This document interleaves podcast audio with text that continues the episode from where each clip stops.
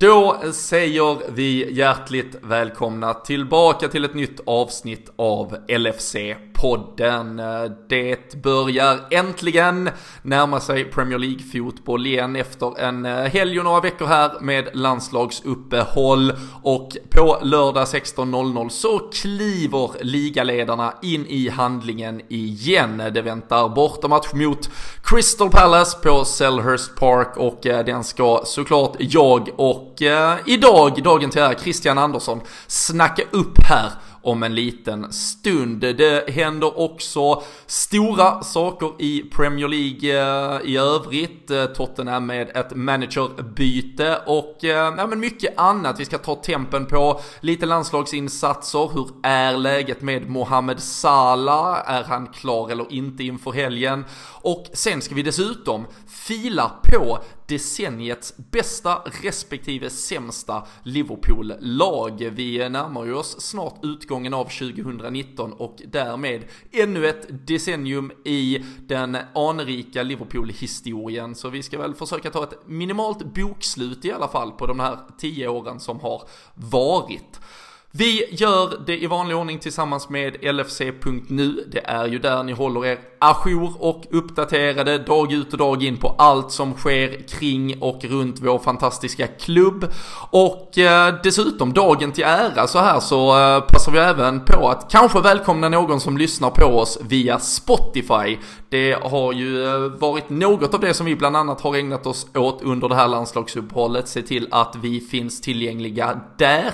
Så antingen kanske du lyssnar på oss redan via Spotify eller så får du det som en liten aha-upplevelse nu att vi finns där ifall man gillar att eh, samla sina podcasts i eh, det formatet helt enkelt. Ehm, vi eh, försöker att tillgodose era önskemål, så är det något annat vi kan göra för att förenkla er upplevelse så bara hojta till på Twitter, det är enklast att nå oss där.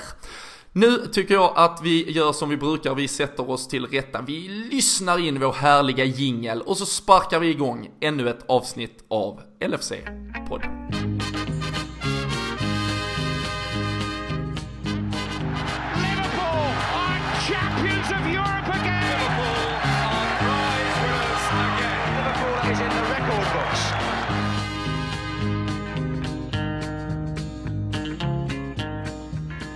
Jajamensan, nu sitter vi här igen. Det är onsdag morgon och eh, Christian, det är inte Liverpool som eh, stjäl de största rubrikerna denna eh, Arla onsdagsmorgon. Eh, det är eh, norra London dit de flesta Premier League-blickar eh, riktas just nu. Har du hängt med i gårdagkvällens och den tidiga morgonens tränarkarusell? Inte hängt med från början kanske, men det small till i telefonen när det var bekräftat att Pochettino lämnade Tottenham och sen har det väl varit rabalder det hela tiden från olika håll och kommentarer på sociala medier och från vänner och sånt som såklart är fotbollsintresserade. Så sen dess har man väl följt med, men att det skulle gå så fort sen i svängarna det kanske man inte riktigt hade koll på även om oddsen kring ersättaren sen då sänktes. Men att det skulle gå så där fort det var jag kanske inte beredd på. Nej, vi vi har ju ändå, vi har ju knutit ett litet, litet, minimalt band i alla fall till eh, Tottenham i den formen. Vi har ju haft Erik Niva på besök ett par gånger. Eh, jag var tvungen själv här eh, under morgonen att lyssna in ett par minuter från vårt avsnitt vi spelade in inför Champions League-finalen med honom. Ehm, vill man så eh, kan man ju gå tillbaka i arkivet och hitta det. Det är ju från bara ett par dagar innan Champions League-finalen. Från minut 41, 41 och ett halvt ungefär, för då pratar vi om det där vägskälet det eventuellt skulle kunna vara för Tottenham ifall man vann eller förlorade den där finalen. Vi vet ju att eh, Tottenham med facit i hand förlorade. Liverpool blev Kings of Europe och eh, han pratar där liksom om rädslan och den eventuella liksom dystopin. Det skulle kunna vara mörkret som skulle kunna lägga sig över Tottenham och att en Pochettino försvann ut i eh, liksom, ja, mörkret på något sätt och att han inte riktigt visste hur ett Tottenham skulle kunna hämta sig från det. Ehm, även om han målade upp en väldigt mörk bild då, så tror jag faktiskt att den bild han nu får presenterad rakt i ansiktet är ännu mörkare, för det är alltså José Mourinho som ersätter och, och finns det någonting eh, som får betecknas liksom antites till, till Erik Nivas eh, fotbollsfilosofi och kanske syn på eh, det, det, det li, lite liksom romantiska som kanske finns kvar.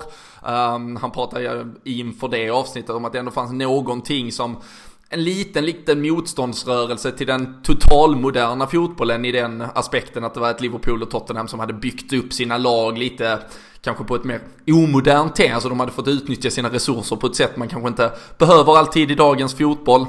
Och eh, José Mourinho är väl kanske snarare självbilden för den moderna managern som helst hämtar in fyra spelare, a 100 miljoner pund och så eh, gör man, ja, så, så försöker man vinna tre titlar med det på tre år och sen sticker man igen. Så eh, vi kan väl skicka en liten tanke till honom denna morgonen Krille, för det känns som att han skrev väldigt kort och koncist på, på Twitter bara, vad fan har vi gjort? Och eh, man känner med honom.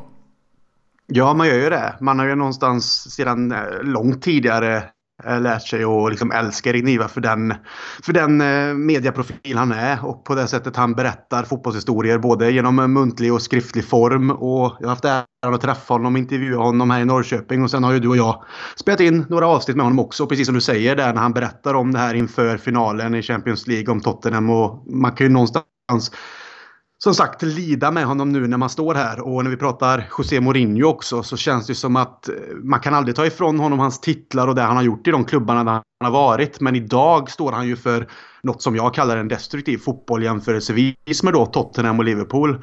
För han är ju en eh, defensiv lagd manager. Eh, vi såg att han inte alls lyckades i United på det sättet trots några titlar. Men det var väl mer det här hur spelet ser ut. Vi är helt olika på det på den banan när det kommer till hur Liverpool spelar och Tottenham spelar. Så får man ju se vad han såklart kommer göra med det här Tottenham för, som han får ta över. För det är ju ändå en, en trupp som på något sätt Ja, den behöver väl både rustas om lite men på något sätt få tillbaka ett självförtroende. Men känslan är ju inte att ja, Mourinho är tränaren som kommer vara där i, i, det, i det långa loppet för att någonstans revolutionera det här ännu mer. Utan eh, funkar det inte så kan det bli ännu eh, lägre och hårdare fall för, för Tottenham. Så vi får väl se och följa den här eh, sagan och se hur det kommer sluta. Om det blir en, en, en, en gyllene fin eh, avslutning eller om det blir något mörkt och, och trist och tråkigt för dem. Mm. Nej men så är det ju verkligen och uh, jag tror ju om man, om man bara tolkar reaktionerna i sociala medier så var det de, jag skulle väl säga 90% av alla Tottenham-supportrar är ju liksom i upprorstillstånd. De är ju helt knäckta liksom. Först var det vad fan gör ni när uh, nyheten om att Porsche behöver gå kommer i, igår kväll och sen liksom, nej men vad fan gör ni nu när José Mourinho sen presenteras 12 timmar mm. senare? Mm. Och eh, alltså Tottenham är ju inte en alltså jag, jag, jag, tror absolut, dels kommer det ge, kortsiktigt kommer det ge en effekt. Alltså jag tror liksom att eh, det gör det fan nästan alltid. Alltså det fick ju Ole Gunnar i United, alltså kortsiktigt 10-15 matcher fram och sådär så kommer man se en effekt och en boost. Det är jag övertygad om, det brukar komma per automatik. Men sen är det också så här, ja visst så kanske de gnetar sig till en, eh, en fa Cup-titel eller någonting. Men jag vet inte, och det är inte, vi är inte en Tottenham-podd och vi ska inte fastna i det. Men jag vet inte vad självbilden hos Tottenham-supportrarna av och hur viktigt det är. Alltså de Tottenham-supportrar jag känner är ju liksom, de kanske förälskade sig i liksom David Ginola och lite teknisk fotboll och ett långt hår och så var det två bärs efter matchen och that's it. Alltså det, det är ju kanske inte cynismen som ska gneta sig till en, en pokal som är det viktigaste. För jag vet ju att Mourinho ofta vinner över fans med tiden för att han faktiskt vinner och det, det är, är, han ju. Men uh, ja, jag får se. Det, än så länge känns det inte som någon match made in heaven med, med Tottenham där så uh, nej, vi uh, vi eh, får väl eh, säkert återkomma till det. Det var ju lite kul. Jag såg Danne eh, Forsell hade ju snabbt noterat att vår storträff som vi ska ha i Malmö den 11 januari, då är ju Tottenham mot Liverpool vi ska se. Och då är det ju på Tottenham Hotspur Stadium. Och man kan ju tänka sig att José Mourinho lett Tottenham hemma mot Liverpool. Det kommer vara en parkerad buss och en 532 uppställning eller någonting. Så Kanske, vi får väl reservera oss för att det kanske inte blir så jävla klang och jubel med matchen, men vi lovar att det blir en eh, uh, hejdundrande jävla dag än då. Och eh, jag tycker innan vi bara stänger eh, helt vad gäller Tottenham och framförallt då Erik Niva så måste vi också plugga för hans eh, podcast When We Were Kings. Släppte femte avsnittet idag. Jag tycker bara gillar man fotboll och hur fotbollen syr samman världen genom kultur, politik och eh, livsöden så finns ju alla avsnitt egentligen eh, av stort intresse. Men i dagens avsnitt så är det Liverpool säsongen 88-89. Ehm, alla vet ju tyvärr hur tragiskt den säsongen slutar i form av Hillsborough-katastrofen och eh, de 96 personer som ehm, gick på fotboll men som tyvärr inte längre finns med oss. Jag har bara hunnit 20-25 minuter in i avsnittet här under morgonen innan vi satte oss och det, äh, men det, det ryser ju redan till och man vet ju var det här ska landa och sättet han berättar på. Det, eh, nej, äh, stark rekommendation men kanske inget man gör sådär på, på, på jobbet när man sitter med kollegor eller något för det känns som det är risk för både tårar och frustration och allting när man börjar komma in i det nu här. Så men ett fantastiskt eh, avsnitt så um, se till att lägg det på eh, listan här efter att ni har lyssnat klart på, eh, på LFC-podden. Det kan vi varmt rekommendera. Eh, men i övrigt Krille så är vi ju såklart eh, jäkligt glada att det är Premier League-fotboll som är tillbaka till helgen. Det har ju spelats eh, landslagsfotboll, ett Sverige som har kvalificerat sig för EM. Sen vet man ju inte riktigt sådär vem som är kvalificerade, vem som inte är, vem som kanske har en chans och så vidare eftersom det är lite Nations League-slutspel som ska spelas och sådär. Men vad känner vi? Är det ganska skönt att det sista breaket för året åtminstone åtminstone för det här decenniet är till ända. Ja, det är skönt. De här två veckorna som har gått nu här har ju varit rätt så gråa och regniga och trista också. Så då blir ju tristessen ännu högre när det är så att det inte finns någon Premier League-fotboll att glädjas åt. Men sen gläds man ju såklart för Sverige och att vi har tagit oss till EM. Det ska man ju på något sätt inte ta, ta ifrån den insatsen eller så. Men eh, just eh, de här landslagsuppehållen som kommer i säsongen, särskilt när eh, vi går så bra i ligan och man bara vill ha den typen av fotboll och fortsätta blicka framåt, då är landslagsuppehållen fan skitjobbiga. För det känns som att det är, liksom det är alltid dålig timing på något sätt. Det känns som att det skulle kunna bryta momentum. Nu har du inte gjort det tidigare, men känslan finns alltid där. Så jag är i alla fall glad att vi slipper det för ett tag framöver nu i alla fall. Mm. Och eh, alla vet ju såklart vilket eh, helt ja, sensationellt sinnessjukt eh, schema som väntar för Liverpool nu så känner man att man gick lite miste om eh, Liverpool-relaterad fotboll de här eh, dagarna och veckorna så, så kommer man ju att kompenseras med, med råge den närmsta tiden här. Är det något eh, Liverpool-relaterat från de här eh, landskamperna du eh, tar med dig som, ja, som finns att antingen att nämna eller hylla eller var det ett ganska, det var inte jättemånga, fan vi har blivit bra på det där med att fejka skador och hitta på anledningar till att inte vara med känns det som, men några stack ut i alla fall. Gino Wijnaldum hattrick och lite annat. Ja, Oxlade tog väl för sig i England också. Mm. Tycker jag var kul att se. Han har någonstans eh, återetablerat sin karriär i landslaget med. Och eh, även om vi inte vill kanske att våra spelare, även om de kommer spela för sina landslag, ska spela just för skaderisk och sånt. Så får man ju ändå vara glad för hans skull att han har tagit sig tillbaka från den där skadan som höll honom borta så länge. Att han har kommit tillbaka i form hos oss och att det också då bevisas genom att han blir uttagen i landslaget. Så det får man väl ta med sig i alla fall. Och sen är det ju väldigt trevligt att se Wijnaldum göra mål och ha fina målgester också. Som mm. på något sätt sätter en, en stark, vad ska man kalla det, eh, ja, ett starkt budskap ut i världen i alla fall när det ibland ser ut som det gör. Just när det kommer kampen mot rasism på fotbollsarenor och annat och även i samhället så är det jäkligt fint att se hur man står upp för det. Och van Dijk alltid också på det sättet hur han eh, är som person både på sociala medier och i matcher där man får se av honom. Ja, det går liksom inte att säga egentligen mer superlativ eller positiva saker om honom. Vi har en superspelare där på både planen och i det personliga utanför. Så att det är väl mm. det man får ta med sig då. Mm. Är, du, är du annars som jag, alltså Sverige ligger ju såklart liksom, det, det, det, det ligger per automatik som, alltså speciellt när det vankas mästerskap, det är ju en fantastisk fest det alltid blir. Men har du också haft det här genomgående lite anglofilstyrda med England som något andra lag när det har varit landslagsturneringar tidigare? För så har jag varit i alla fall, men jag känner verkligen att pendeln börjar slå över till Holland nu. Alltså det är, fan vad jag hoppas på Holland och kommer, eh, nej, äh, som du var inne på, äh, Wijnaldum, han pratade ju först otroligt bra på presskonferensen inför matchen. Det har ju varit ett par Alltså vi har ju sett det världen över med rasistskandaler på, på läktare. Vi såg det Rumänien-Sverige bland annat där Alexander Isak eh, står upp mot det. Ehm, och eh, jag tror att han hade varit i ett annat skede av matchen så hade han och alla med den rättan eh, valt att avbryta det. Jag tycker det är väldigt svårt att säga vad som är rätt eller fel i det. Det måste landa lite på, på den spelare eller de som känner sig utsatt. De ska få liksom ha full handlingsfrihet att ta exakt det beslutet de vill. Men Wijnaldum pratar ju också om det på Hollands presskonferens inför matchen för det har varit ett par incidenter även i den holländska ligan där han menar på att händer det då, ska, då kliver vi bara av dem. Vi ska inte spela inför de här jävla idioterna i stort sett. Och eh, sen firade de ju eh, sina mål där bland annat genom att eh, ställa sig han och Frenkie de Jong, en vit, en mörkhyad spelare sida vid sida, tog på varandra, visade upp liksom vilken färg vi än har, det spelar ingen roll, vi är ett land och eh, nej fan ett eh, fint jävla landslag så de kommer nog vara min eh, tvåa i EM nästa år. Eh, men jag vet inte hur du känner.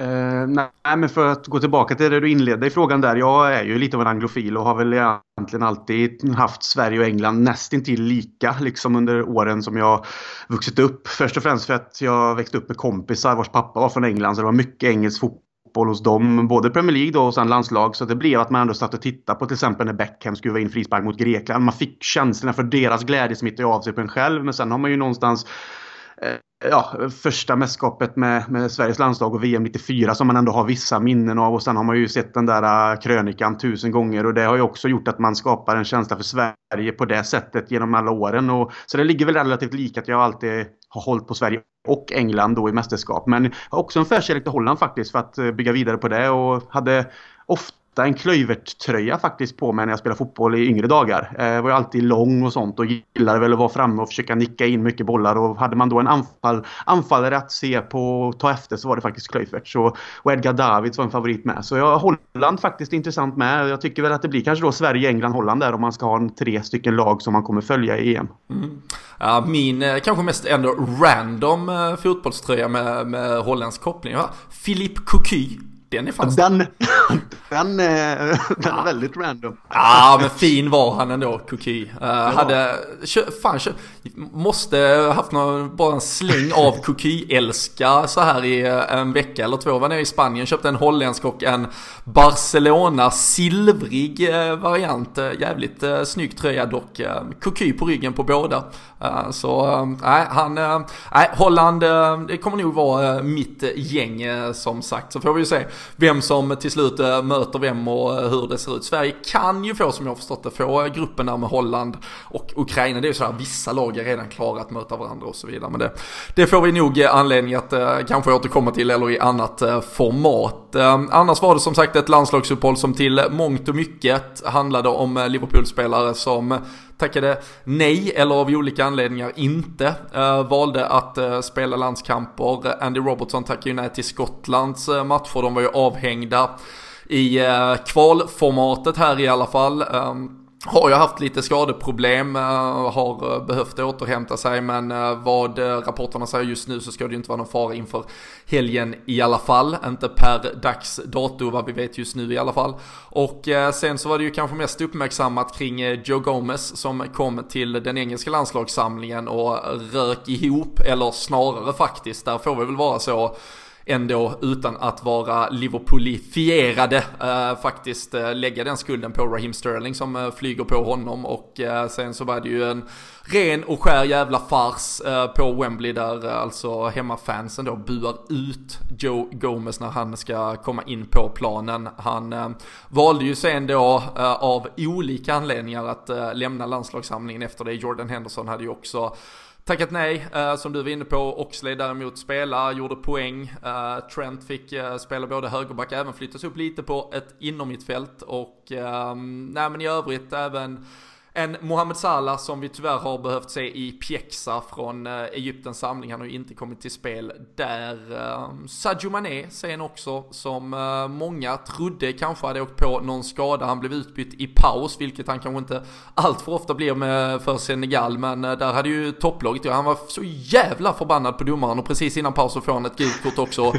Tränaren var väl lite rädd att han skulle gå ut och ta ett rött i andra, så det ska ju bara varit i förebyggande syfte där. Men, eh, ja, men ett, eh, i alla fall ett uppehåll med Inga inrapporterade skador eller annat. Eh, Virgil van Dijk lämnar ju också holländska lägret efter första matchen när de hade säkrat sin EM-biljett på grund av personal circumstances, eh, men det är antagligen eh, vila och ta det lugnt får vi hoppas. Inga andra rapporter har vi i alla fall nåtts av än så länge.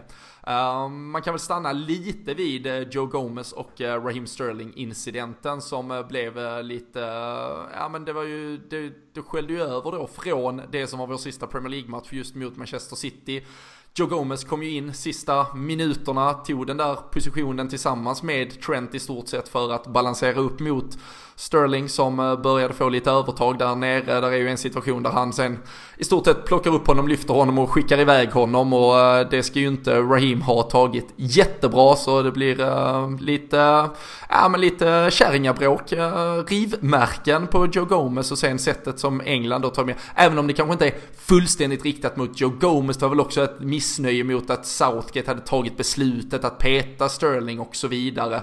Um, även om det nu är en tid sedan, vi har ju inte poddat sen dess Krille, men uh, din upplevelse av situationen uh, som sådan och hanteringen av den, vad, vad kan vi dra för slutsatser kring detta England och uh, det kastar ju lite bensin på brasan kring att Liverpool inte kanske helt ser sig som en del av det där kollektivet alltid. Nej, alltså först och främst ska ju inte hela situationen behöva uppstå överhuvudtaget. Men vi vet ju att tyvärr sker ju sånt också. Eh, sen hur det hanteras internt tycker jag, jag tycker att det är snyggt av Southgate ändå att liksom peta Sterling och tillrättavisa honom på det här sättet. Och Sterling tar ju till sin Twitter och ber om ursäkt och sen stödjer han ju Gomes också när, efter att eh, supporterna börjat ut honom. Så han gör väl ändå det han ska i det här fallet. Liksom låg profil och stöttar Gomes och ber om ursäkt. Så att någonstans får man väl bara gå vidare. Men det, det, det, är, liksom, det är lite löjligt att det ens uppstår. Att jag menar att, att känslorna eh, flödar i en sån match som det ändå är och City är frustrerade över att de liksom ligger under och Liverpool är på väg att vinna. Det blir en kamp nere i, liksom, på ena kanten. och ena hörnet nästan. Och, och liksom, liksom, även om de är, de är två unga spelare, engelsmän båda två. Jag menar, det är klart så fasen att det ibland sker liksom, eh, liksom aggressiva känslor som kommer fram och att det kan bli lite tjat och lite knuffar och så vidare. Men att ta det vidare sen på landslagssamlingen känns som att där måste man gå in genom de dörrarna och lämna det bakom sig. Och det är väl därför det blir som jag tycker du säger helt rätt i att det är ju Störlings fel. Det är ju han som liksom inte kan släppa det och påpeka någonting och det blir liksom en, en konversation och en diskussion och så sker det sen att det blir liksom ja, rivmärken under ögon och grejer. Eh, så att hur det sen hanteras därefter är snyggt och så. Sen är det synd att publiken ska bua så att det blir någonstans riktat mot Gomes, någonstans riktat mot Southgate. Det, liksom, det känns ju som publiken och supportrarna i det här fallet bara borde förstå liksom läget. Att nu har vi gjort så här och sen är det bara att stötta vidare. Men ja, det är väl också som du säger där Robin att Liverpool som, som klubb och med dess spelare kanske är lite av eget också. Så att det inte alltid är det här att vi är England utan vi är hellre Liverpool. Och sen när vi har spelare som är med och representerar England så gör de givetvis det för att de är stolta. Men känslan från Liverpool-håll är väl fortfarande att vi står lite utanför det. Mm.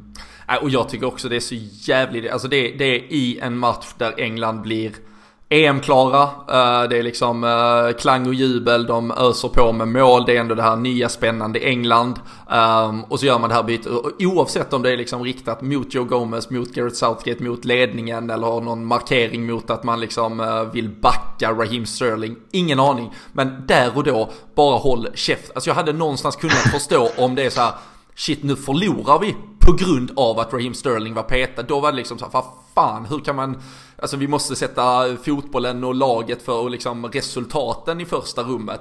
Men när det är helt jävla sekundärt, då är det så jävla hjärnblödning av fansen att ta till. Alltså det är ju bara att applådera in Joe Gomez och visa att ja, vi står bakom dig också liksom. Alltså vi är, vi är England. Uh, Precis. Och, uh, nej, och Southgate har ju varit tydligen att kanske den här gyllene generationen, du var inne på Beckham med, med flera tidigare, så där var det ju extremt starka Alltså, ja men ibland kollisioner mellan ett eh, Manchester United-läger, ett Liverpool-läger, ett Chelsea-läger och man kanske menar på att, ja men en, en Scholes, Lampard, Gerard av, av sådana anledningar som hade med klubbtillhörighet att göra inte riktigt fick det att klicka i landslagssammanhang och det är ju det Gareth Southgate verkligen vill undvika här och nu. Alltså ni får aldrig ta med er klubblaget in i landslaget och det, ehm, jag tycker att han gör det helt rätt. Raheem accepterar ju det. Eh, jag tycker att det är fullt rimligt att Alltså att det råkar hända, so be it. Alltså det, det kommer smälla ihop. Alltså de är ju extremt, alltså jag hade förstått om,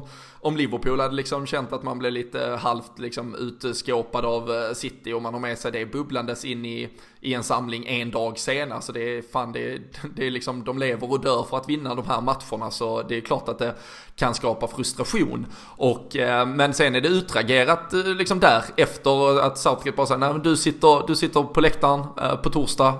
jag vill inte liksom involvera dig när du beter dig på detta sättet. That's it, släpp det. Och eh, det borde även de engelska fansen ha eh, gjort. Eh, så eh, nej, jag hoppas eh, blir eh, Joe Gomez eh, involverad på något sätt mot Crystal Palace nu här till helgen. Eh, om så bara ett eh, kort inhopp eller något och jag har sett att det har spridits lite på sociala medier att Liverpool-fansen liksom ska ge honom en ovation utan dess like för att visa att ja, du är en av oss i alla fall. Vi, vi står bakom dig och det är han väl vä verkligen värd eh, i så fall. Så eh, nej, eh, vi, eh, vi släpper väl med de orden eh, landslagssamlingarna som sådana. Vi ska ju eh, såklart prata upp Crystal Palace-matchen och vi var inne på en del osäkra kort, kanske framförallt Mohamed Salah, så vi får väl titta lite på eventuella alternativ om nu han inte kommer till spel. Men eh, jag gav eh, både dig och eh, mig själv en uppgift inför det här avsnittet Krille och jag slängde även ut det på Twitter och det är ju hemskt när man inser att äh, ännu ett äh, decennium är äh, snart förbi. det första i, ja men kanske ditt och mitt liv där vi har passerat ett helt och faktiskt varit i våra vuxna åldrar någonstans rakt igenom hela. Så vi kan inte skylla på så mycket minnesluckor utöver de fyllor man kanske har passerat. Men annars är det ju tio år av vårt vuxna liv som nu har runnit under broarna.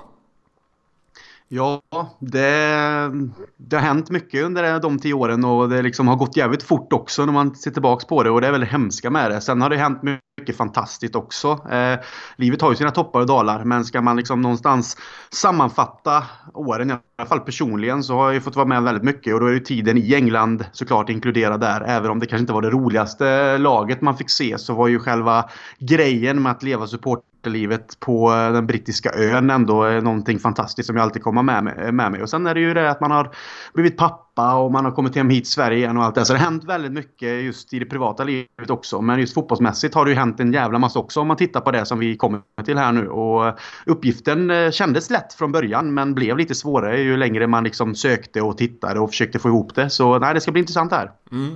Uh, det, det, känns också spontant som att du kanske har, uh, om man tar till dina då, det var ju tidigt på decenniet du spenderade dina år i England, så känns det som att det är fler spelare från kanske det usla laget du upplevde live under de åren. Tyvärr är det väl så. Ja. Mm. Nej, vi, vi ska som sagt, vi kommer ta ut, vi har satt ihop vardera då en, en trupp eller så här en 11 plus en bänk, så typ en 18 spelare. Ur vad vi då anser vara decenniets bästa respektive sämsta Liverpool-lag. Tanken är väl att vi ska försöka landa i ett gemensamt lag i slutändan, både vad gäller det bästa och det sämsta och sen så är det ju fritt fram att ge sig in i kommentarsfälten på Twitter sen för att eh, lära oss en och annan läxa om hur fan man egentligen borde ha tagit ut de här lagen. Eh, det kommer väl vara med skräckblandad förtjusning vi eh, nämner ett par av de här namnen. Och eh, det är ju verkligen fantastiskt, måste man väl kanske som liksom lite introduktion till detta säga var vi har kommit på ganska exakt det här eh, decenniet. Det var ju i oktober 2010 som eh, hela den här resan startade. Vi vet ju att 2010 var en sommar där Roy Hodgson kom in. Många av spelarna som lär återfinnas i den värsta elvan värvades in. Vi var på ruinens brant rent ekonomiskt när eh, hösten kom och eh, sen så börjar ju det som vi ser den enorma frukten av idag, alltså FSGs övertagande och eh, hur eh, Liverpool börjar så sakteliga förvandlingen mot eh, den då återigen världsmakt inom fotbollen vi, vi är idag. Så eh, det, det har tagit eh, sina highs and lows för att komma hit eh, och ibland var det ju snabba highs. Redan 13-14 var vi ju på väg mot något otroligt stort för att sen behöva kanske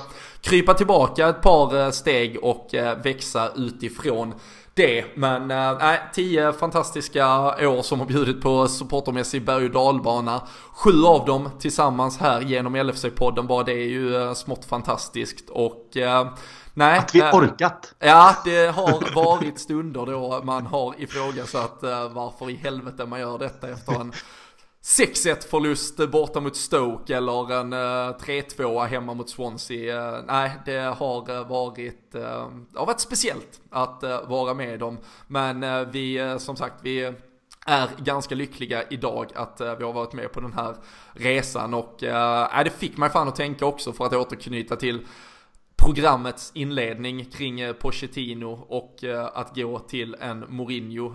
Jag vet att Pochettino för Spurs till väldigt mångt och mycket har varit vad Jürgen Klopp är för Liverpool. Man ska nog fan vakna upp lite som att man ska nog vakna upp och uppskatta den familj och allt annat man har runt sig så ska man nog fan tänka en tre sekunder på att vi har Jürgen Klopp som manager när man vaknar varje morgon. För det, det är tyvärr inte för evigt och eh, det, det kanske det här kan lära en. Men eh, nu i alla fall har vi honom och eh, jag vet också att vi har väldigt många av de här spelarna som jag tror att vi båda enas om ska in i åtminstone den bästa elvan. Men uh, vad tycker du? Ska vi börja med att ta ut det bästa eller sen ska vi börja sämst? För det är kanske kronologiskt uh, mest rättvist också. För att sen avsluta i lite mer dur framåt slutet. Ja, det är vilket som egentligen. För det, vi kommer säkert få mycket kommentarer och tankar kring det här också. Men det, det är väl bara att köra. Sen vet jag inte om vi, ja, uppställning, just formation kanske är olika, men det får vi se också. Det känns framförallt som att de här usla spelarna inte hade klarat av att hantera någon formation överhuvudtaget. Så, eh, Nej. Men äh, jag, jag, kan, jag har gått på en 4-2-3-1 uppställning i, i båda mina lag faktiskt. Men det kan vi ju... Äh, det är samma här. Ja, men det kan vi säkert annars korrigera längs mm. vägen. Men eh, om vi börjar då med det sämsta Liverpool-laget av alla tänkbara spelare som har passerat det här året. Och där kan vi ju säkert, vi har säkert tänkt och tolkat lite olika kanske förväntningar kontra till vad som faktiskt upplevdes eller var de bara sämst och vissa kanske man har känt, ja men de spelar fan bara 38 minuter, det är kanske inte den spelaren som ska in här utan man kanske har tittat på någon spelare som faktiskt borde ha spelat lite mer och så vidare. Men vi, vi ser vad vi kan få ihop längs vägen. Men ehm, vi börjar väl längst bak med sista utpost i det här eh, fullständigt usla laget. Eh, vem eh, ställer du bakom eller mellan stolparna? Ja, eh, för att kort göra en liten eh, motivering till det så jag har ju blandat, precis som du säger, här med både, liksom, både förväntningar och vad som faktiskt, vem spelaren var och vilka, ja, vad som skedde på planen till slut också. Så det är en blandning i mina lag där. Men eh, som sagt, om vi börjar med sämsta laget och målvakt så har jag utgått faktiskt från förväntningar och, och känslorna som kom därefter. Och där har jag faktiskt valt bort många och ställt Karius. Ja, jag, eh, och jag är med på urtänk. Jag, jag har sagt Karius på bänken faktiskt. Jag såg många mm. har skrivit Brad Jones, men det tycker jag är lite taskigt. Jag tycker att Adam Bogdan är den absolut sämsta. uh, och uh, jag, jag, tänker liksom, de här kommer ju... Ja, alltså... Mm. Men, Bogdan sitter ju på min bänk då. Han sitter på, ja men okej, okay, ja men då kanske spelar så här 50-50 och varierar sig. Uh, men vi, då har vi i alla fall någorlunda samstämmighet där. Mm. Um, du kan ju köra um, utan motivering egentligen en, en fyrbackslinje först så kan vi se vilka som stämmer in på min och så kan vi uh, diskutera särskilja, uh, ja de skillnader som finns där. Ja, här har jag bara utgått från spelarna så att från vänster i en fyrbackslinje är Konchesky, Kirigiakos, Wilson och Kelly. Oj, vad taskigt mot Martin Kelly känner jag spontant.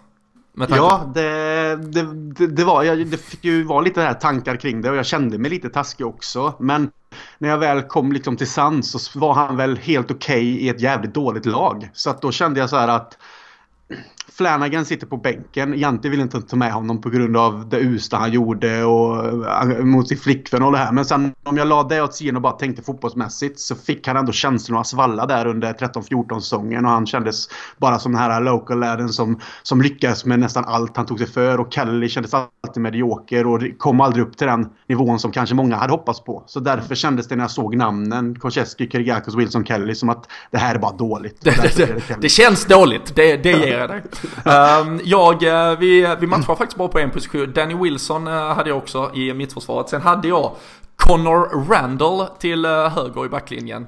John Flanagan tar plats till vänster och sen Steven Carker som uh, mittback. Uh, han, ja, jag kom in och... av till och med. ja, precis. Det hade jag länge också kan jag säga. Mm. Uh, men um, om, om jag kanske ger dig Paul, Paul Konchesky och Kugiakos sitter på min bänk. Martin Kelly klarar sig faktiskt undan katten här med, med alla de här usla spelarna. Mm. Men uh, om, om, om jag i alla fall trycker in Conor Randall före Martin Kelly det Absolut. Och uh, så kan du få bolla Paul Konchesky till vänster då i backlinjen. Ja, det måste jag fan få göra. Jag var ju där på plats och kollade när han värvades. Och det är fan något av det värsta jag sett i en röd fotbollströja. Alltså. Det, han, det finns knappt någon som kan ta den platsen från honom när det kommer till att vara sämst för Liverpool på vänsterbacken. Alltså. Och sen på bänken har jag satt Ilori också då för att få in. Mm. Det är mm. Flanagan och Ilori som är mina, med mina försvarare där. Ja, nej, men Ilori har jag med som, jag har med han i, liksom, i, i bruttotruppen här lite som bubblar. men satte också lite för lite avtryck eh, egentligen kände jag i slutändan för att han skulle eh, växa in där. Men eh, då får du kanske välja på Steven Carker eller Kyrgiakos. Det kan du få ta beslut kring också. Kyrgiakos, alltså jag såg honom kliva in när vi slog United med 3-1 på, på Anfield, Dirk Kuyts hattrick. Han spelade den. Här. Och mm. det, det räcker för att han liksom okvalificerar sig i min värld. Det är faktiskt sant. Det tänkte inte ens jag på. Och sen eh, får man väl då tillägga att han hade en rätt så skön sång också. När eh, vi sjöng liksom att We can't pronounce his first name so we call him Nick the Greek. Liksom. Exakt. Så att, eh, där får man ändå se det som att då får väl jag ge mig där och så sitter vi in Colker som egentligen inte gjorde någonting. och han har väl aldrig riktigt varit eh, bra heller. Så att eh, Kyrgiakos får vinna på att han kom in och gjorde en stark, eh, eh, stark insats i den vinsten och så hade han skön sång då. Fast han var inte bra. Men du, du tar den platsen ja. med Koppe.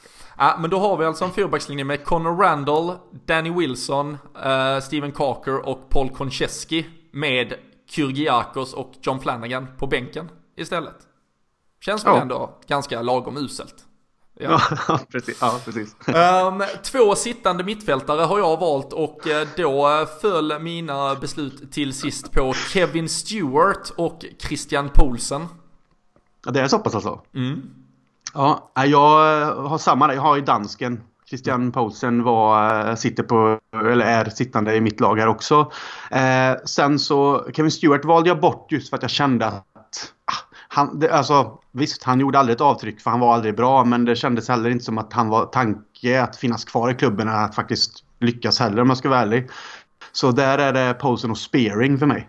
Alltså Jay Spearing var ju i mitt lag också. Han sitter starkt på bänken tillsammans med Charlie Adam uh, som liksom redo att uh, förstöra mittfältet ännu mer ifall de här skulle göra en bra match. Mm. Men uh, där, där kanske min då sympati kom lite uh, Aladdin John Flanagan variant att fan, han kom ändå upp från akademin, han gjorde sitt bästa, sen var han ju inte bra nu. Kevin Stewart var sånt jävla, det var sånt jävla medelmåttighet personifierat. Uh, samtidigt så gav han ju oss i slutändan Andy Robertson nästan gratis i och med klubbytet till Hall. Så jag vet inte om det mm. förskonar honom lite. Jag, jag kan väl ge dig Jay Spearing från, från start då, så, så har jag en upp ifall jag skulle behöva det offensivt för att uh, förstöra laget fullständigt helt enkelt. Mm. Ja, och ja, bänken har jag väl en liten bubbla som kanske inte stämmer in på vad folk ser det som, men jag tog den personen lite som just på förväntningarna och, och kring hur det liksom ändå blev. Och då har jag faktiskt Shelby på, på bänken. Även om jag gillar honom som fotbollsspelare så mm. tyckte jag att det var... Han gjorde vissa bra saker i, i Liverpool-tröjan men just förväntningarna på honom som talang fanns ju där väldigt stora. Det var nya Gerard och så vidare. Och det kanske är orättvist men samtidigt så... Ah, det kändes bara som att det aldrig blev det som eh, man hade hoppats på. Därför fick han en bänkplats där då. Ja, nej men absolut. Han är också med. Han, han når inte hela vägen in på min bänk, men uh, bruttotruppen sitter han uh, redo. Reserv på hemmaplan i, uh, ifall det skulle gå, uh, gå för jävla bra för någon av de andra så är han redo att steppa in och ta ett rött efter 13 minuter eller någonting. Men sen börjar det hända spännande saker offensivt. Nu ska vi ha in lite bolltrollare som kan få fart på det här dysfunktionella laget. och då har jag valt tre offensiva mittfältare får vi väl kalla det eh, innan vi placerar in en striker som eh, lite körsbär eh, på den här härliga kakan. Ehm, Milan Jovanovic, Joe Cole och Osama Asaidi plockar mina tre platser ehm, där framåt. hur står det sig mot ditt gäng? Ja, det blir ju lite rotation här då sett till det. Men jag har faktiskt Joe Cole, Adam och Downing. Okej, du spelar Charlie Adam lite, lite offensivare där. Tycker han ska klämmas in för fullständigt. Ja, ja eh, gjorde jag. Joe Cole är väl egentligen bara liksom så här eh, en avdankad eh, Joe Cole kom till Liverpool liksom gratis. Så det enda han egentligen lyckas med var ju ett rött kort mot Arsenal om jag inte minns fel. Mm. Eh, det är väl enda avtrycket han har gjort. Eh, synd, för Joe Cole var ju en spelare jag personligen gillade tidigt. Eh, både i West Ham egentligen och Chelsea. Jag tyckte han var grym, men i Liverpool så gjorde han ingen glad. Och, ja, Adam, eh, ja, en fet skotte som egentligen bara kunde skjuta och slå lite frisparkar. Men det, det lyckas han med i Blackpool, men inte i i Liverpool. Och Downing var ju så här, han har ju ändå haft en karriär om man ska kalla det så. Alltså han har ju ändå funnits mm. under lång tid, varit duktig till exempel Aston Villa, varit landslagsman. Men han köptes för typ 20 miljoner pund till Liverpool och spelade typ, jag vet inte, över 30 matcher, noll poäng. Och han var ju tanken till att faktiskt vara den som stod för poäng för till exempel Andy Carroll och liksom inlägg och kanske lite frispark och annat. Men han, han lyckades inte överhuvudtaget och med den prislappen kände jag då att ah, då är han en av de sämsta egentligen. Ja, fast var han sämre än Milan Jovanovic? Nej, men det, nej, det var han ju inte. Men eh, för att, eh, för att eh, försvara det då så jag, jag har ju satt Jovanovic på topp då. Om jag ska ja, ta okay. det steget. Mm. Om vi sen så att där ligger han på min som anfallare då. Ja, ja okej. Okay. Ja, och det... Mm, mm, okej okay då. Ja, vi, vi ser här min... Då är det din slutgiltiga elva där helt enkelt. Med Jovanovic på topp hade du i så fall. Mm, jag tänkte, du hade ju Asaidi där va? På mm. mittfältet. Jag, jag kollade ju på honom också. Men jag kände också, det var en sån här spelare som visst ser man det till namnet så är det ju helt värdelöst när man ser till, ja, det här var, gjorde ingen glad heller. Men jag hade så svårt att känna, liksom han, det, det blev ju aldrig något avtryck och hade, man hade nog inga förväntningar heller. I alla fall inte jag. Men det var därför jag då kanske valde Downing före. För det kändes ändå som att vi värvade in någon för att göra poäng för laget, att ta oss framåt. Men det liksom lyckades inte överhuvudtaget. Och då, det var så jag tänkte i det fallet. Mm. Ja men det, det, det, det köper jag absolut. Så, så är det ju. Alltså sett till förväntningar och prislapp och sådär. Så jag säger det är inte det, den största floppen i modern historia. Men uh, uselheten var ju uh, total um, i alla fall. Ja. Um, och uh, jag har, fan jag har tagit ett uh, taskigt val kanske längst fram. Men Ricky Lambert kliver in på, på topp i mitt lag. Alltså jag det, det var, det blev sånt totalt. Men jag har ju sett väldigt många som har liksom eh, på liksom skrivit eh, sina lag så är det både Benteke och, och Carroll och det är ju samma sak där, väger vi in prislappar och så vidare. Men det, där fanns ju ändå några mål hit och dit från dem. De gjorde avtryck i ett par matcher. Uh, Ricky Lambert den säsongen liksom tillsammans med en, en Balotelli som kom in. Där är ju statsna, alltså när man ser dem och spelat här, menar, tio raka matcher utan att någon av dem har gjort mål eller assist och så vidare. Så det var, fan vad det var, det var jobbigt att, eh, att genomlida.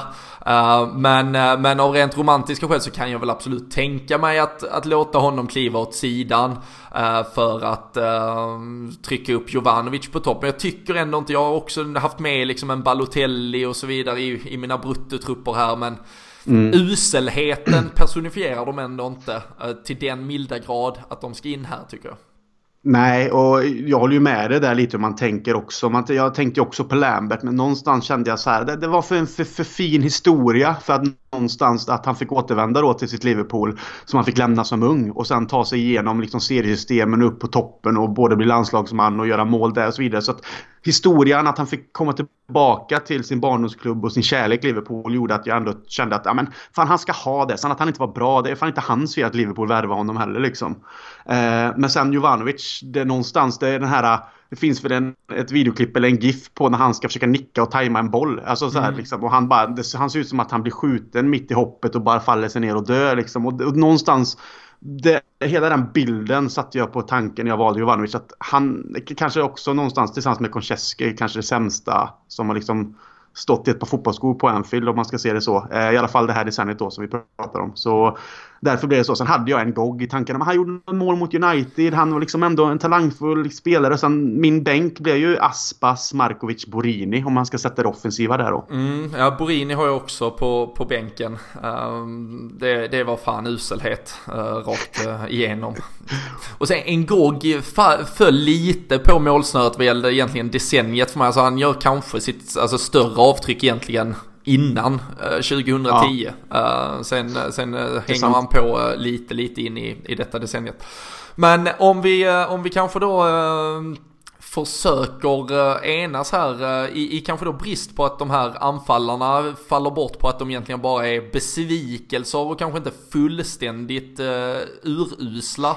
Så kanske vi puttar upp Jovanovic men eh, då tycker jag att vi kanske ändå sätter eh, Stuart Downing på bänken så han får spela topp med eh, Joe Cole och Asaidi eh, bredvid sig. Så kan du få plats med Charlie Adam på mittfältet då tillsammans med Christian Poulsen och Jay Spearing. Känns det schysst?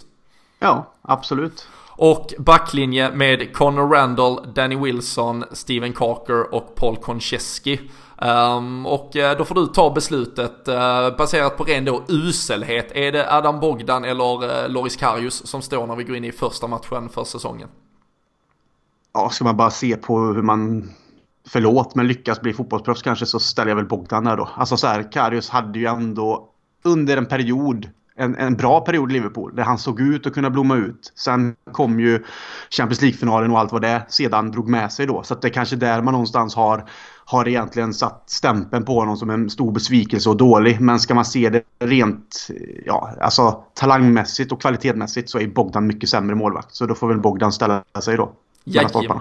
Ja men det tycker jag låter bra. Då har vi eh, försökt att eh, kompromissa fram något. Eh, fantastiskt vilka spelare som har passerat uh, här under uh, den här tioårsperioden. Eh, Ganska skönt att konstatera att väldigt många av dem inte har varit så aktuella de senaste åren utan det här är ju faktiskt några år tillbaka i tiden. Men uh, alltså LFC-poddens sämsta lag denna, detta årtionde är Adam Bogdan, Connor Randall, Danny Wilson, Steven Carker, Paul Konchesky, Jay Spearing, Christian Poulsen, Charlie Adam och en fronttrio med Joe Cole, Osama Asai Saidi och Milan Jovanovic.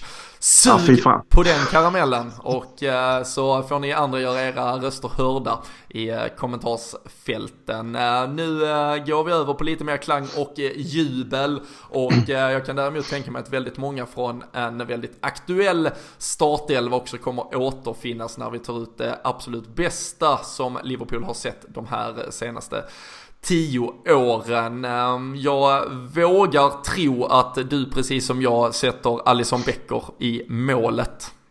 Yes, ingen tvekan. Nej, det känns eh, stabilt där. Sen eh, kan eh, jag väl dra tre av mina backar och så kan vi se om de stämmer i alla fall med dig och så blir det väl kanske det jag tror är mest intressant är vem som ja, för helt enkelt uh, fulländar den backlinjen i övrigt. Men uh, jag tycker att uh, tre fjärdedelar av dagens backlinje ska vara med. Det är Trent Alexander-Arnold, det är Virgil van Dijk och det är Andy Robertson. Um, delar du den åsikten? Den delar jag fullt ut. Och då är ju frågan vem du har valt att kampera ihop med Virgil van Dijk i mittförsvaret. Mm, jag velade fan här hela morgonen faktiskt. För först var jag lite inne och petade med en Carragher. Men sen så kände jag väl att ah, han var ju på slutet av sin karriär där när det kanske började liksom ja, 2013 han la av där och då tänker man det är ändå många år sedan. Det var inte många år in på det sen att han kanske var på sin absoluta topp. Man ville mest ha med honom för kanske de känslomässiga skälen och kärleken till honom som legend. Sen så petade jag med Skertel just för att han var en, liksom en krigare, gjorde många mål och han liksom var i Liverpool länge. Men sen landade jag ändå i att jag faktiskt satte in Matip jämte van Dijk. Mm.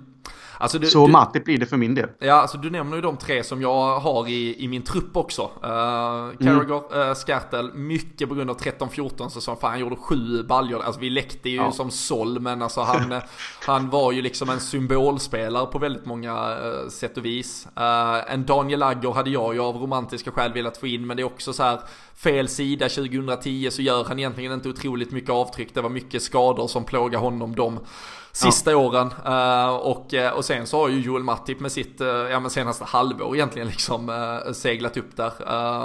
Hade vi suttit här för ett år sedan så hade man ju kanske valt Joe Gomez känns det som, men han har ju tyvärr kanske spelat sig bort från det.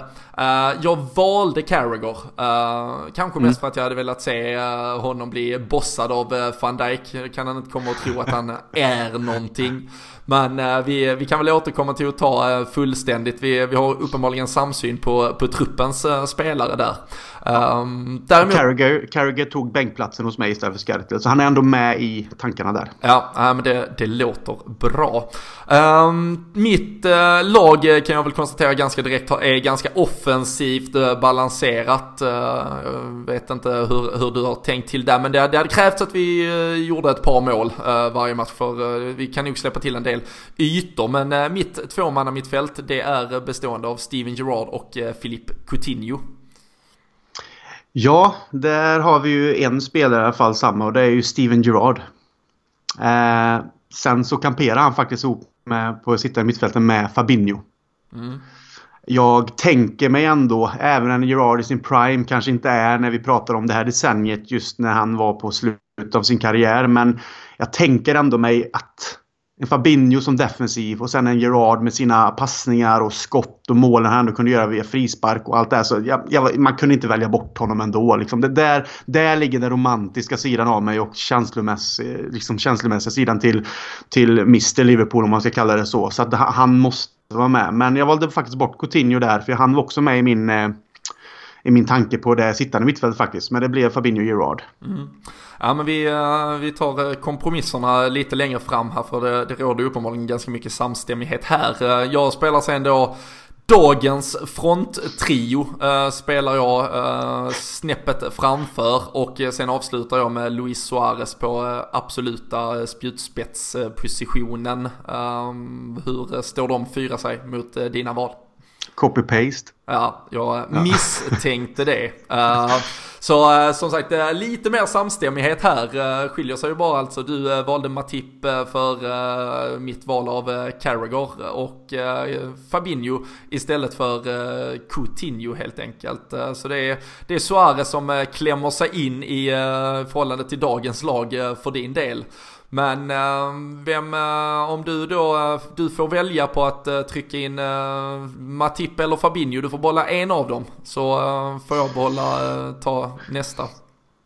Ja, det här var ju också något jag förnulade på länge liksom. Jag fanns både tanken att ta ut en Fabinho mot en Coutinho eller en Firmino mot en Coutinho. Just för mm. att även om man älskar Firmino för den fotbollsspelaren är. Ska man se kanske till helheten när man har Suarez, Mané, Coutinho, Salah så vattnas det ju så in i helvete i munnen om man ser det så. Men eh, jag tror att jag kan... Eh, ser man till att Gerard skulle kunna axla Fabinhos roll, kanske inte till eh, den höga nivån som defensivt, så skulle jag kunna tänka mig att sätta in i Coutinho istället för Fabinho och lägga ännu mer offensiv kraft där då och få en spelare bakom som kan slå fina inskärare och frisparka och göra mål utifrån. Så att eh, där är jag beredd att kunna ta bort Fabinho och sätta in Coutinho. Vi hade ju kunnat eh, argumentera för att Fabinho spelar mittback en match eh, den här säsongen och så tar han mittbackspositionen i så fall.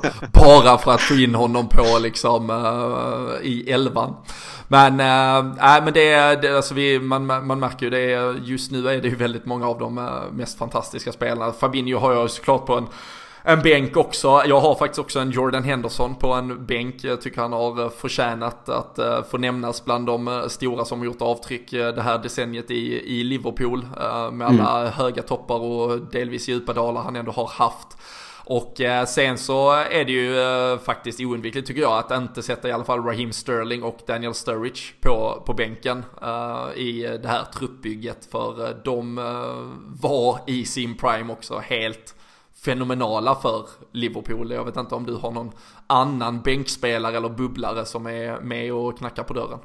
Det är faktiskt en liten bubbla men det går längre tillbaks. Men det är för att det är en personlig favorit och eh, han tog faktiskt Störling, Jag hade Störling först. Men sen kommer väl känslomässiga skäl in där. Liksom allt som har hänt och så vidare. Så att någonstans valde jag bort honom och satte faktiskt Maxi Rodriguez på bänken.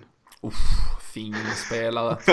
ja, men han, han har gjort ett avtryck med sina två, tre hattrick han gjorde och han, han var fan duktig alltså. Han, han var ju en fotbollsspelare som Liverpool, när, när det begav sig, var annorlunda jämfört med kanske truppen han fick vara i liksom. Sen att han då fick lämna när det börjar forma sig igen kanske till det vi idag ser så nej, han, han var duktig och han gjorde mål och han kändes som en, en frisk fläkt och han blev en personlig favorit. Mm. Ja men det, och det, det, håller jag verkligen med om. Jag tycker att Dirk Kuyt lite i samma sammanhang måste, måste nämnas också. Uh, mm. Han är ju också del, kanske delvis påverkad av i alla fall liksom klyftan där 2010 men han är ju han är ju kvar ett par, par eh, säsonger där till och gör ju avtryck. Eh, vi nämnde ju det där 3-1 eh, matchen mot, mot United. Det är ju på, på rätt sida decennieskiftet i alla fall och där mm. är han ju Ja, där, där, spelar han ju sig rakt in i hjärtarna på, på oss alla såklart. Det hade han ju gjort med, med sina insatser innan dess också.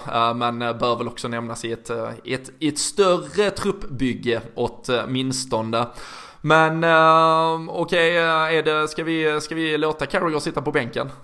Klarar han det? Ja, det gör han. Han får ta det. Ja, det, det är om, som sagt, jag, jag har ju valt in Coutinho då istället för Fabinho. Det är om du vill ha in Carragher istället för Matip eller om du känner att faktiskt Matip är... Eller ska vi slänga in, den... ska vi slänga in Skartel för hans 13-14 säsong?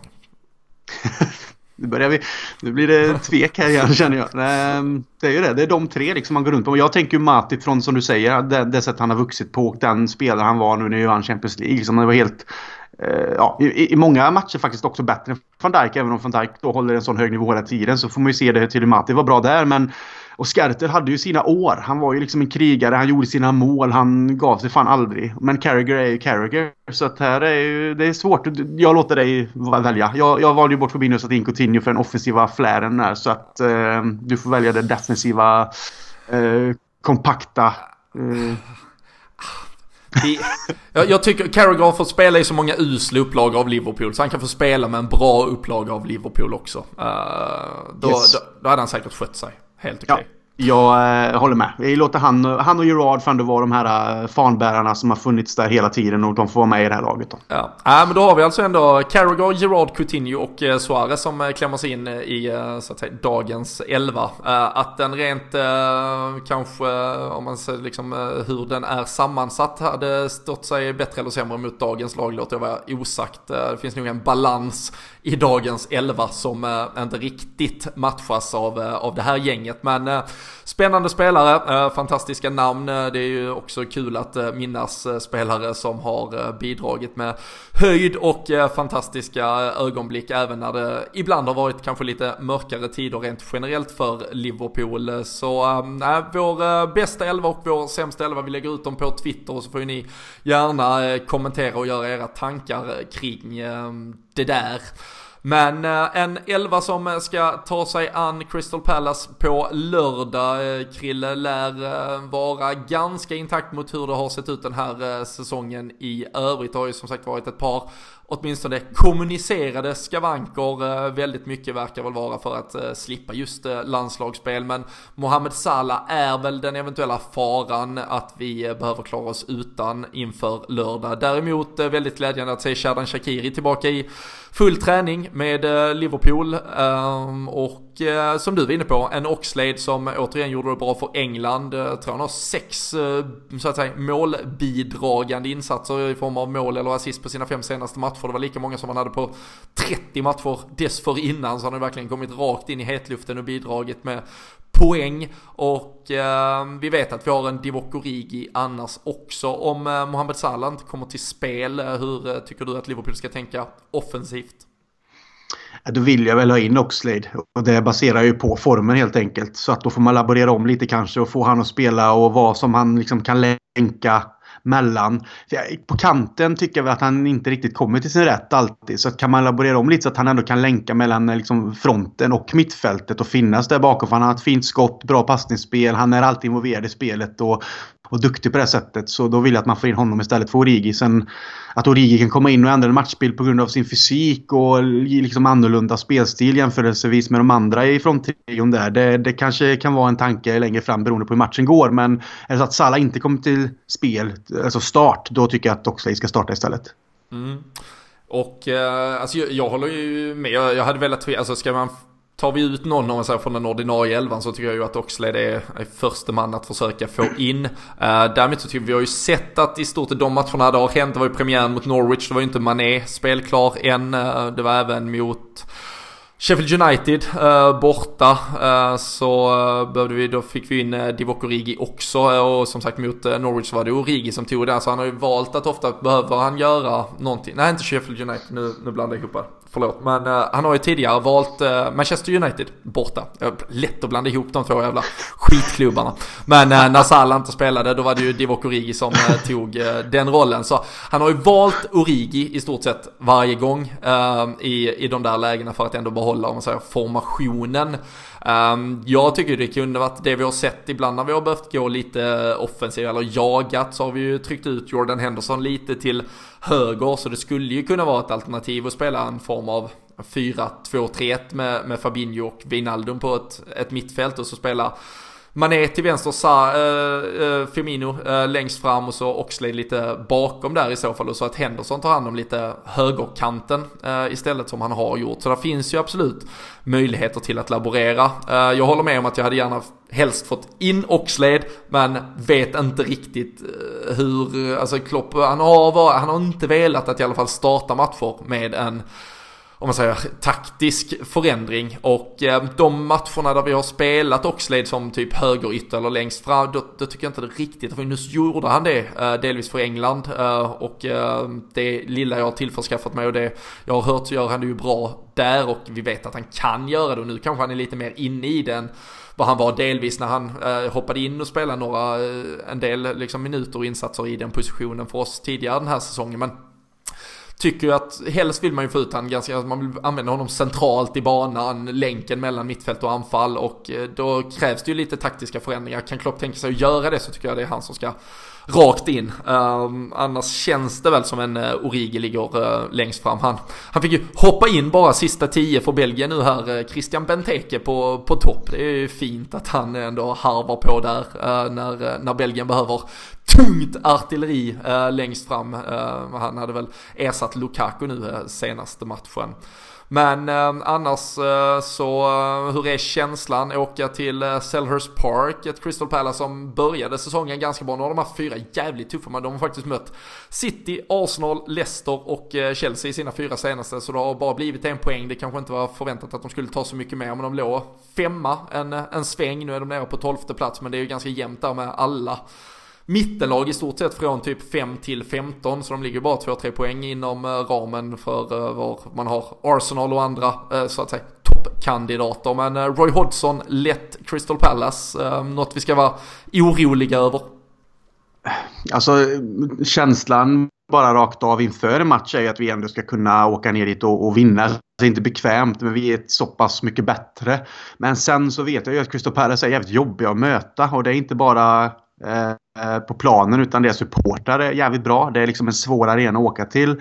Det gäller att ha ett slags momentum kanske i matchen och känna att man tar övertaget direkt. Men eh, nej, den matchen känns, den känns svår. Även om jag har stark tro på att vi kommer göra jobbet på grund av att vi har den kvaliteten så är det ändå en match som på något sätt oroar mig lite jämförelsevis mot till exempel Sheffield United. Såklart på grund av att de har nykomlingar men också ställde sig jävligt lågt så var det en svår match. Men Crystal Palace känns lite mer, de, de har lite mer kvalitet på det sättet framåt med, med liksom en, en Wilfred Zaha och lite den tanken. Alltså, det, det, kan straffa sig, så mina känslor är väl kanske inte jättesäkra, men ändå vill jag ju någonstans tro att vi är så pass mycket bättre att vi ändå ska kunna klara av jobbet.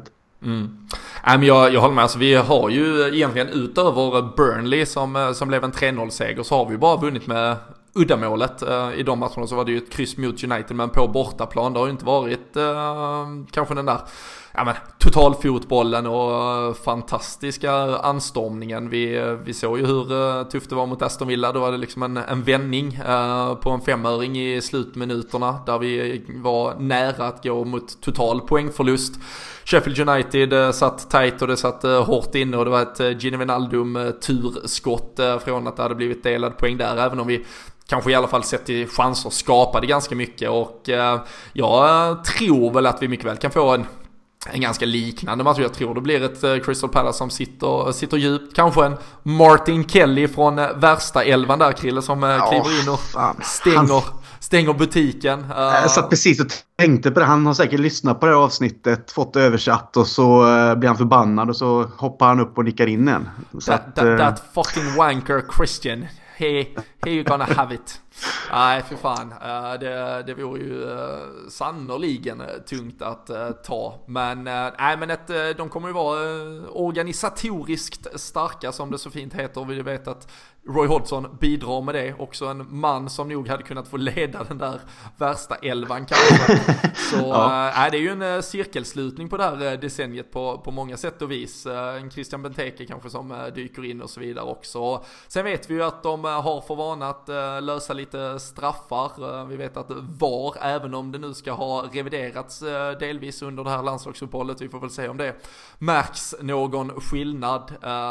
Wilfred Zaha som gärna utmana och så har de ju en Milivojevic som eh, dunkar dit den om det behövs och de får den chansen. Så det är nog ett eh, Palace som kommer att liksom ligga lågt, gå på kontringar, försöka eh, hota bakom Trent och Robertson framförallt men Zaha komma in och mm, ja, göra vad de kan av det lilla trubblet de i så fall kan kan skapa. Det hade ju varit jävligt skönt om uh, Allison kunde få spika igen och visa att han förtjänar platsen i vår bästa elva och ta en nolla nu här så att vi kanske då räcker att vi gör ett eller två framåt för att ändå ta en lagom säker seger. Jag tror liksom inte det, det blir inte 5-7-0. Eh, det är liksom inte utskåpningar man pratar eh, när man möter Crystal Palace. Eh, tittar man på de här matcherna de har spelat så mm, förlorar med 2-0 mot City, 2-0 mot Chelsea. Alltså, de spelar ju ganska jämnt och håller ofta jämna steg mot men sen ska vi ju såklart med den tyngden vi har kunna bryta ner dem. Men jag är inte förvånad om det står 0-0 efter en timme eller något sånt och vi inte riktigt har fått hål på dem. Men Trägen brukar vinna och Liverpool brukar ha den uspen numera Krille, så uh, vi löser väl det ändå kanske. Och uh, vad tror du i så fall resultatet blir? Känslan direkt här nu när vi kom in på det är ju så här, vi pratar Alisson och spika igen och så. Men jag tror tyvärr inte att det blir en nolla, men jag tror att vi lyckas att ta en 1-2 eh, seger då. Så att vi vinner med 2-1. Mm. Äh, jag, äh, ja, jag är inne på samma spår. Uh, det hade varit jävligt jag, sen, jag tror jag tror det blir en straff i matchen. Sen är frågan om det blir vi eller, eller de som får den. Kevin Friend som domare också, man vet ju att han inte kommer lämna mittcirkeln liksom. Så det, han kommer ju få ta det på, med lite hjälp av VAR och lite dålig feeling. Så det, där finns väl en risk. Men eh, Ja men för att ändå gå ifrån det, men då tror jag 2 Då är det vi som får straffen då och då, då gör fan inte Pallas något mål. Uh, så då blir det 2-0 och eh, vi eh, fortsätter att vinna. Eh, man ser ju dessutom matchen på Viasat 16.00. De valde oss igen. Det var jobbigt för Arsenal-fansen att hantera. Deras match mot Southampton var uppenbarligen inte lika prioriterad. Det är kul hur upprörda de är nu Krille när de tror att vi styr Viasat här från poddstudion ja. i stort sett. Det är så jävla roligt faktiskt och jag måste ändå nämna det. Den tweeten som du sen lade ut på din, eh, i, i ditt flöde där med någon Arsenal-supporter eh, som grät ut det här och nämnde dig att det var liksom du och din, ditt kollektiv som hade på något sätt påverkat Viasat och så vidare. Och sen att du då fick någon, någon som skickade till dig och du la ut det. Jag tyckte det var så jävla roligt. Alltså det, det, det är ju så liksom ändå supporter-banter ska vara om man nu ska använda sociala medier och särskilt Twitter i det här sammanhanget. Så även om folk kan bli lite förbannade och störa. Så, så, det är så jävla kul att diskutera på det sättet och se sådana inlägg. För det betyder ju ändå att vi, vi upprör och vi skapar känslor. Och det, det enda jag egentligen tycker är roligt det är bara att och liksom egentligen ge, eh, alltså hälla bensin på den elden och liksom bara hela tiden hålla på och säga att vi är en sekt och att vi är the unbearables och vi, allting liksom. Att vi liksom, vi, vi, är, vi är det vi är nu och, och låt oss njuta av det och vara lite eh, ja, vad ska man säga, stolta och, och, kanske lite arroganta med. För vi vet att sånt här liksom håller inte för evigt och då får man passa på och, hålla, och liksom köra när liksom tåget ändå går och sen eh, kommer vi väl antagligen få sitta ner någon gång också. Så att eh, nej, njuta av stunden, eh, uppröra känslor och, och föra lite roliga diskussioner. Så länge det hålls på en, en, en normal nivå såklart och inte på några andra sätt så tycker jag att det är skitkul när det blir sådana diskussioner på Twitter och man ser att det grå, gråts hit och dit. För det, de säger att det är vi som gråter ut men ja, de kanske ska titta sig själva i spegeln. Ja, ja lite så, så är det nog. Vi, vi kan i alla fall sätta oss i soffan. Det är förbannat gött att Premier League är tillbaka. Jävla smällkaramell direkt här på lördag ju. Det är ju Tottenham är ju först ut med den eh, tidiga matchen, London Derby mot West Ham. Då får vi alltså se José Mourinho leda detta Spurs. Eh, sen är det Crystal Palace mot Liverpool 16.00 och sen City mot Chelsea lördag eftermiddag. Eh, gör vi vårt jobb så finns det ju all anledning att sitta med full jävla spänning och följa den drabbningen. En delad poäng på Etihad hade ju gjort att vi då utökar vårt försprång till 10 respektive 11 poäng eh, ner till de två eh, lagen. Så eh, det, nej, vi ska göra vårt först men eh, det finns alla anledning att eh, bara njuta av fotbollslördagen som, som erbjuds. Eh, sen är det Champions League som väntar veckan därpå. Napoli, vi är såklart tillbaka däremellan och sen sticker vi på podden away. Eh, det blir för jävla gött eh, snart alltså. Ja, det är ju 10 dagar kvar. Det är fan inte fy skam